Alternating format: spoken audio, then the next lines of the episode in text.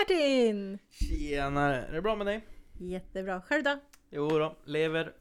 Ha. Och du har handlat alla julklappar nu eller? Nej, jag har inte handlat någon i år faktiskt. Men du har? Jajamän, jag har suttit och rimma. Ja, jag hörde några innan här när vi började podda lite. Mm. Det låter bra. Tack så mycket. Du, det är fjärde advent. Det är fjärde advent. Vi börjar närma oss. Nu är det snart där.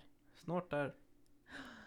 Men du, vi lyssnar till Gunneld och Änglakören idag också va?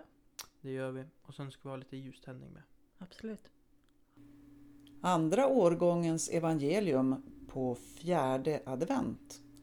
Ur Lukas evangeliets första kapitel, verserna 30 till 35. Ängeln sa till Maria Var inte rädd Maria, du har funnit nåd hos Gud. Du ska bli havande och föda en son och du ska ge honom namnet Jesus. Han ska bli stor och kallas den Högstes son. Herren Gud ska ge honom hans fader Davids tron och han ska härska över Jakobs hus för evigt och hans välde ska aldrig ta slut. Maria sa till ängeln, hur ska detta ske? Jag har ju aldrig haft någon man. Men ängeln svarade henne, Helig ande ska komma över dig och den Högstes kraft ska vila över dig. Därför ska barnet kallas heligt och Guds son.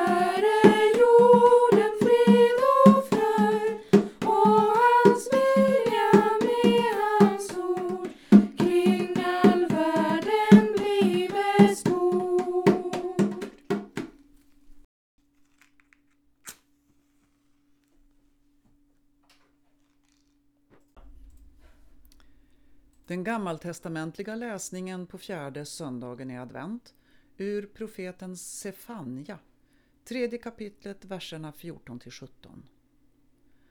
Jubla dotter Sion, ropa ut din glädje Israel. Gläd dig dotter Jerusalem, fröjda dig av hela ditt hjärta. Herren har upphävt domen över dig och undanröjt dina fiender. Herren, Israels konung, bor hos dig. Du har ingenting mer att frukta. Den dagen ska Jerusalem få höra Sion, var inte rädd. Låt inte händerna sjunka i missmod.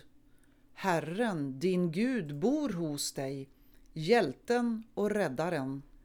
Han jublar av glädje över dig i sin översvallande kärlek. Ja, då är vi här igen. Tack så jättemycket för att ni har lyssnat. Tack så jättemycket. Vad kul att ni följer oss genom advent här nu och jul och nyår. Tack så jättemycket återigen. Vi hörs. Hej då!